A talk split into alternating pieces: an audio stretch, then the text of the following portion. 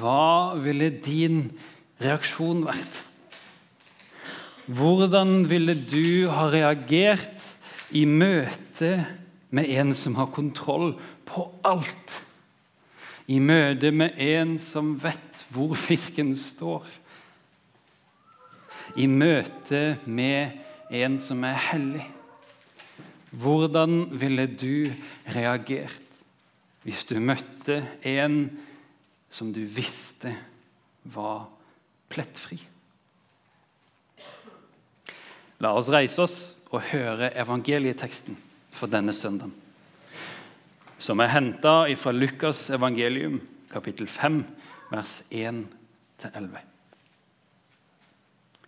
En gang sto Jesus ved Genesaretsjøen, og folk trengte seg inn på ham for å høre Guds ord. Da fikk han se to båter som lå ved stranden. Fiskerne var gått ut av dem og holdt på å skylle garn. Jesus steg opp i en av båtene, den som tilhørte Simon, og ba ham legge til litt ut fra land.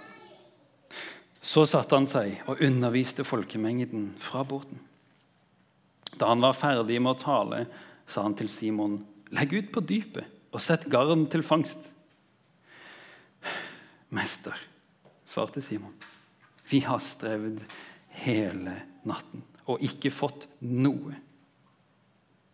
Men på ditt ord, på ditt ord vil jeg sette garn.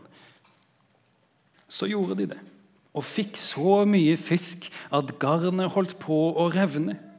Og de ga tegn til arbeidslaget i den andre båten at de skulle komme og ta i med dem. Og da de kom, fylte de begge båtene, så de var nær ved å synke.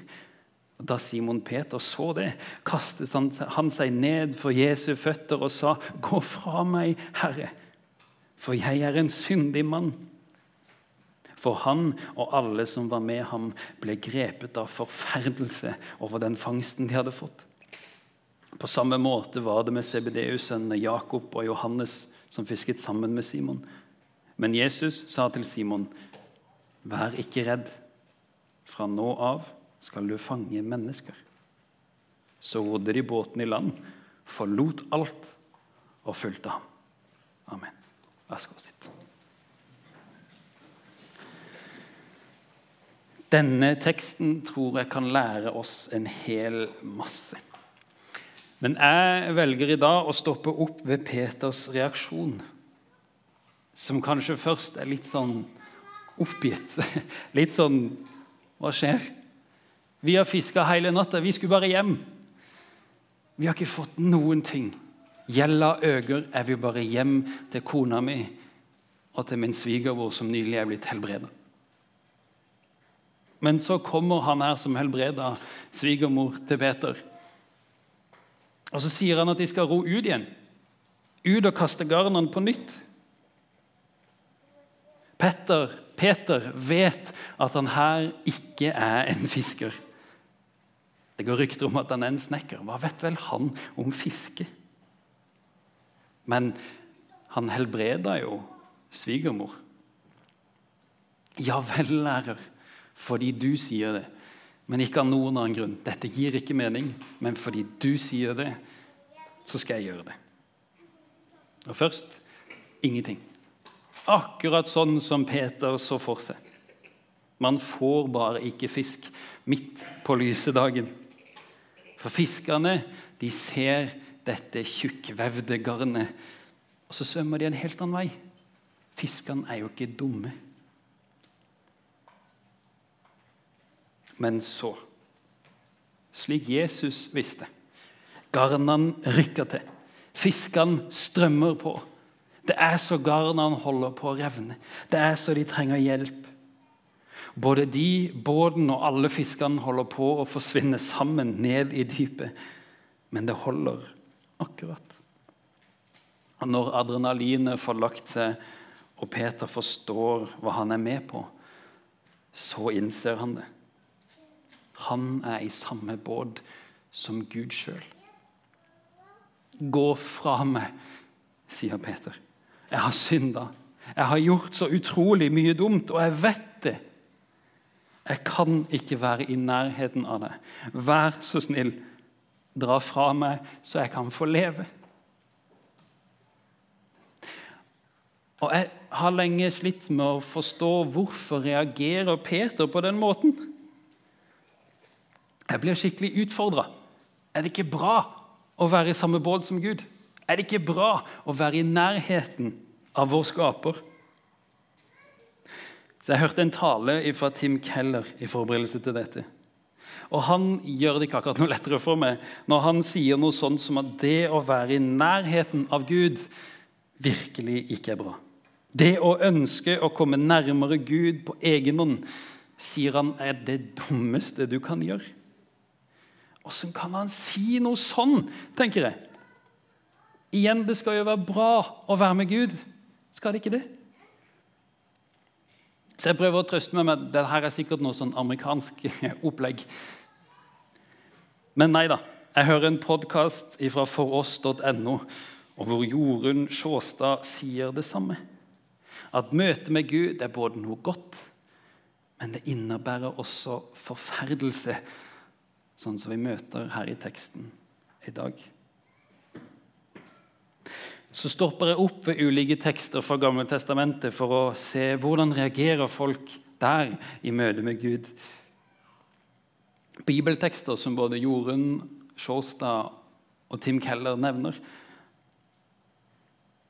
Blant annet Jesaja, når han møter Gud, så står det i Jesaja kapittel 6, vers 5.: Ved meg, det er ute med meg, for jeg er en mann med urene lepper og jeg bor i et folk med urene lepper. Og mine øyne har sett kongen, Herren over hærskarene. Jesaja oppdager at han står i samme rom som Gud den allmektige. Og for en glede, tenker kanskje vi. Men nei, ikke for Jesaja. Han frykter for sitt eget liv. Moses Første gang han møter Gud i 2. Mosebok kapittel 3, så står det at så snart han skjønner det er Gud som er i den brennende busken, så dekker han til ansiktet. Han tør ikke se på Gud. Han er redd for å se Gud. Men kanskje det gir litt mening, har jeg tenkt. Har du noen gang møtt en person som er usedvanlig suksessfull? Usedvanlig vakker, usedvanlig dyktig? En som gjør det samme som du gjør, bare 100 ganger bedre. Har du møtt en sånn person? Hvordan var det å være i nærheten av denne personen? Jeg har en sånn opplevelse fra langt tilbake. Jeg møtte en ordentlig fet fyr. En som var sånn som jeg skulle ønske jeg var. En som ligna på meg, bare mye bedre i alt. Og Han ønsket å henge med meg, og jeg tenkte yes, det her er fett. Han kule her vil henge med meg. Da blir jo jeg også litt kulere. Da får jo jeg også litt rakere rygg.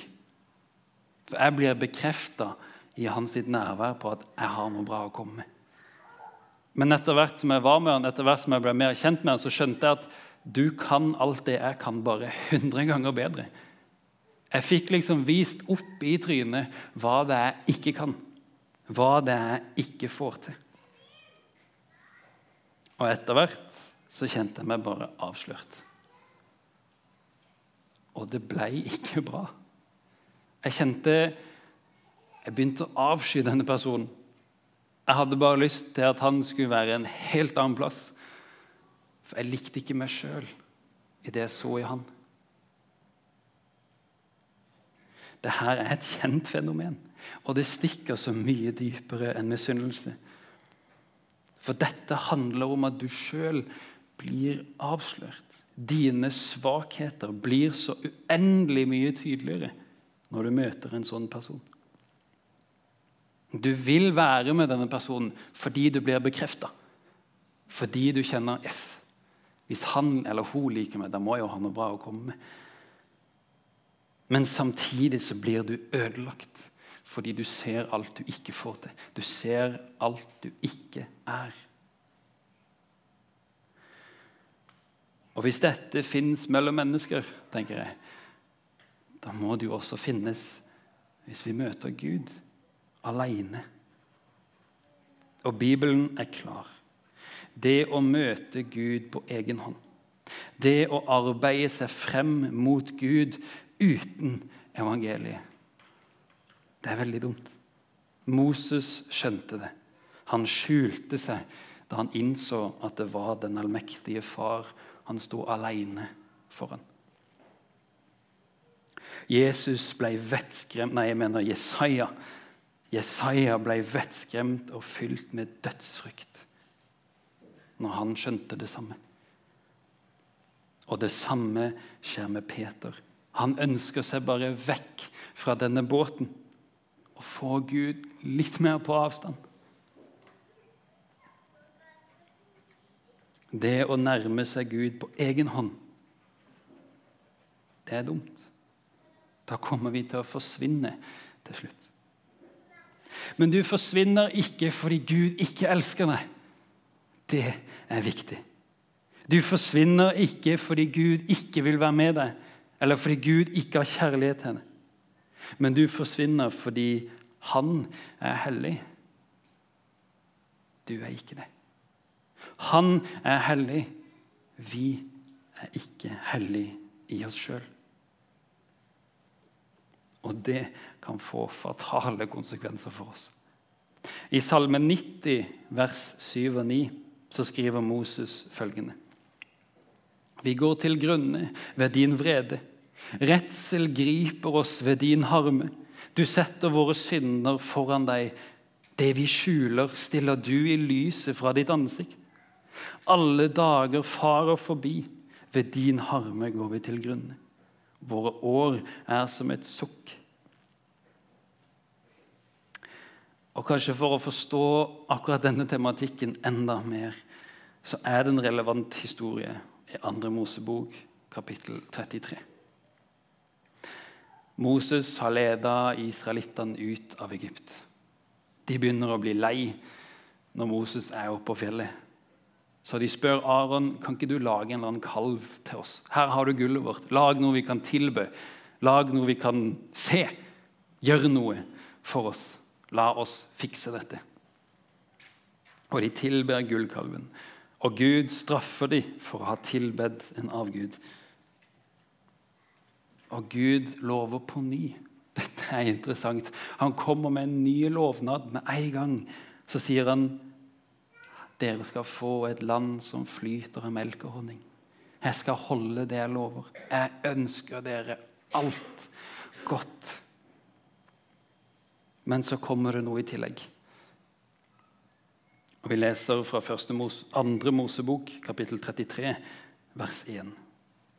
Herren sa til Moses, dra bort herfra, både du og folket du har ført opp fra Egypt til det landet som jeg med ed lovet Abraham og Isak og Ak og Jakob, da jeg sa, 'Jeg vil gi det til din ett'. Jeg vil sende en engel foran deg og drive ut kananeerne, amorittene, hetittene, perisittene, hevittene og jebusittene. Dra opp til det landet som flyter av melk og honning. Men jeg vil ikke dra opp med deg, for du er et stivnakket folk. Ellers kunne jeg fortære deg på veien. Og da folk hørte disse harde ordene, sørget de. Og ingen tok smykker på seg. Men Herren sa til Moses, si til israelittene, dere er et stivnakket folk. Om jeg bare et øyeblikk drar opp sammen med deg, måtte jeg gjøre ende på deg.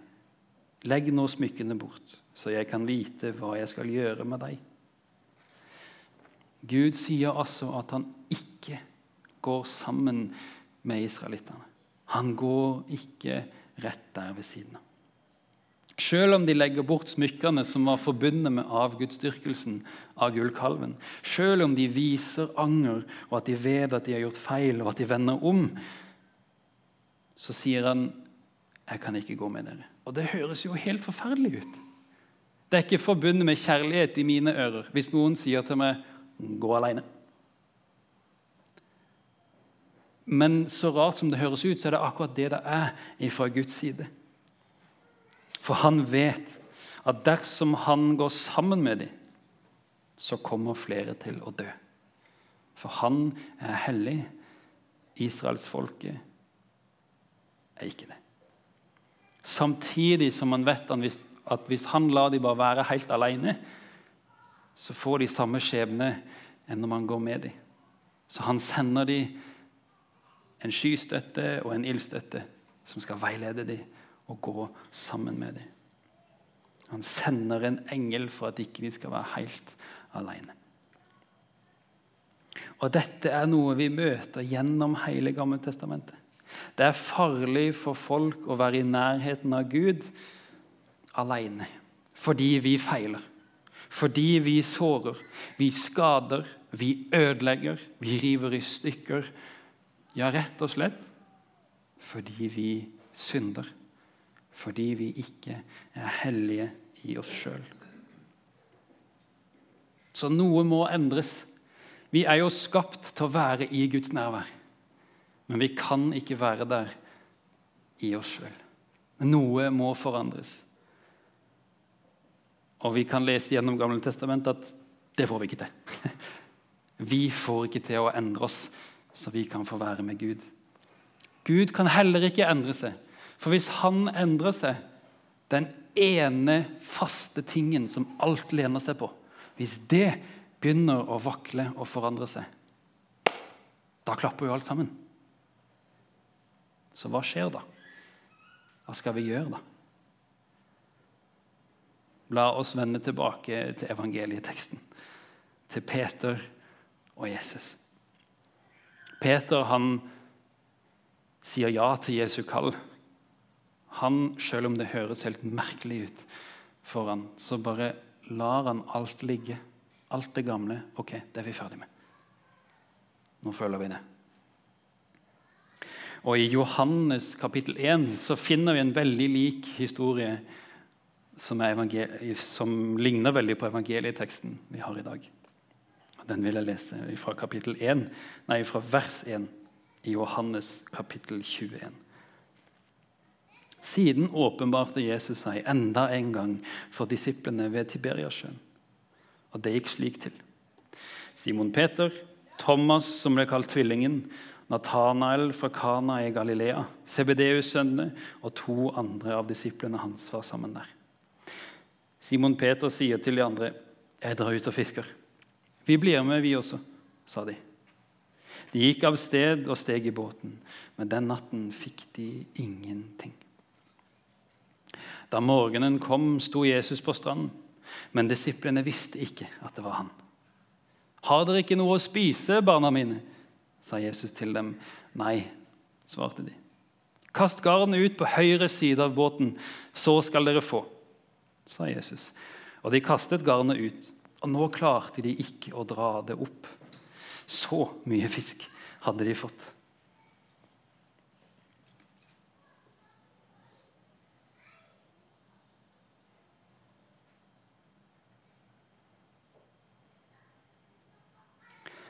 Så disippelen som hadde Jesus kjær, han sa da til Peter, 'Det er Herren.' Og da Simon Peter hørte det var Herren, bandt han kappen om seg. Den hadde han tatt av. Og så kastet han seg i sjøen. De andre disiplene kom etter i båten og dro garnet med fisken etter seg. De var ikke langt fra land, bare omkring 200 alen. Når Peter i denne fortellinga forstår hvem det er han har med å gjøre, så har han en helt motsatt reaksjon. Han hiver seg i vannet og svømmer de siste 100 meterne fram til Jesus.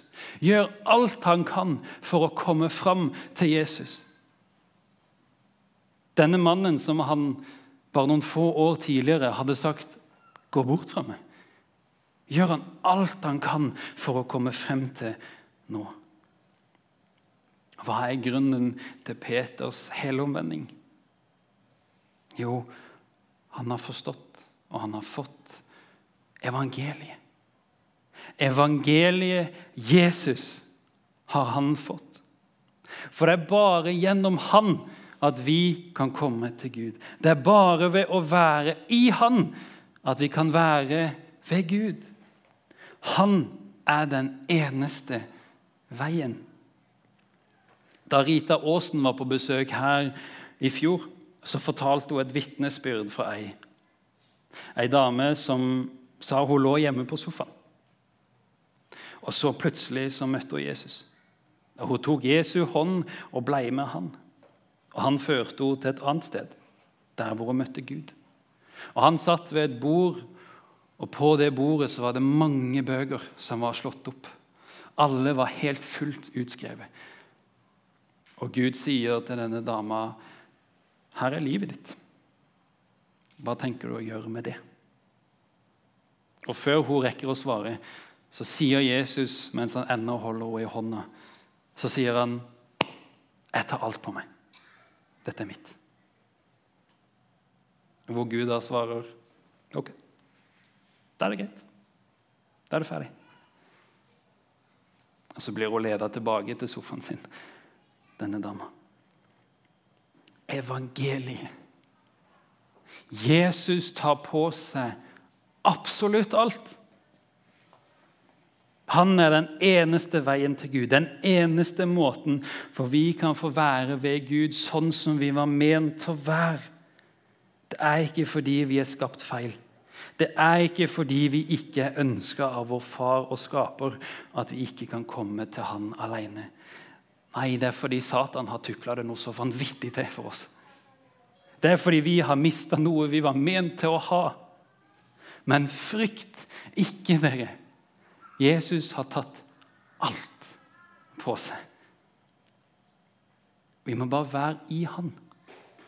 Da har vi ingenting å være redd for. Da er alt helt i orden. Men hvordan kan vi være i Han, da?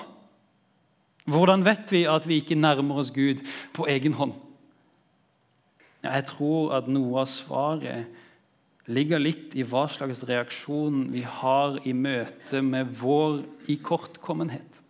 Jeg tror noe av svaret ligger i hva vi gjør når vi oppdager at vi har synda, når vi oppdager at vi har gjort noe galt. Ønsker vi å rettferdiggjøre oss sjøl, rette ryggen enda mer og prøve å fikse det aleine? Trekke oss unna Gud og ber han om å la oss være litt aleine, for nå har vi litt greier vi må fikse? Eller hiver vi oss i vannet? Svømmer, løper, kryper, kjemper, gjør alt som må til for å bryte gjennom det som holder oss fra å komme til Jesus? Eller gjør vi alt vi kan for å komme til Han med alt vi har, og sier 'Her, vær så god. Jeg feila. Jeg dreit på draget. Ta det.' For det er bare gjennom å komme til Han at vi kan stå der en dag. Rein og rettferdig, himmelen verdig. Og Dette spiller videre på det Andreas Aarikstad nevnte sist søndag. Og Hvordan vi kan bli rettferdiggjort ved tro. Jo, det er nettopp ved å legge livet vårt åpent fram for Jesus. Å komme til Han. Ikke prøve å fikse det på egen hånd, men vi må la alt komme fram til Han, så Han kan ta hånd om det. Og La meg runde av med en kjent strofe fra en velkjent barnesang. Du er du, og du duger. En jeg snakka med en gang, sa at vi burde skrive om denne teksten og synge 'Du er du, og du ljuger'. Jeg er helt uenig. For det er sant at du duger. Ja, mer enn du, og du er god nok. Det er helt sant. Du er god nok for Jesus. Du trenger ikke skamme deg. Du trenger ikke holde boka di lukka. Du trenger ikke å grave deg ned. Du er ikke udugelig. Jo da, vi feiler. Vi har mye i boka vår vi ikke vil at folk skal vite om. Vi er ødelagte og forderva av synd. Men vi trenger ikke være bare oss med boka vår alene. Jesus elsker det, og han vil ha hele det. Han ønsker å se hva du har i boka di. Ikke for å peke og le, men for å ta og slette ut. For å ta bort og viske vekk. Det er ikke det at han elsker alt du gjør, men han elsker alt du er. Han elsker deg og hele deg sånn som du er, skapt i Guds bilde. Så kom til Jesus. Du er nok for han. Kom til Jesus, så han kan få deg hjem. Jeg har tatt alt på meg. Det er fullbrakt, sa Jesus. Kom til Jesus, så vil han gjøre deg ren og rettferdig. Så du kan stå der himmelen verdig og en dag komme inn på andre sida av porten, der du var skapt til å være.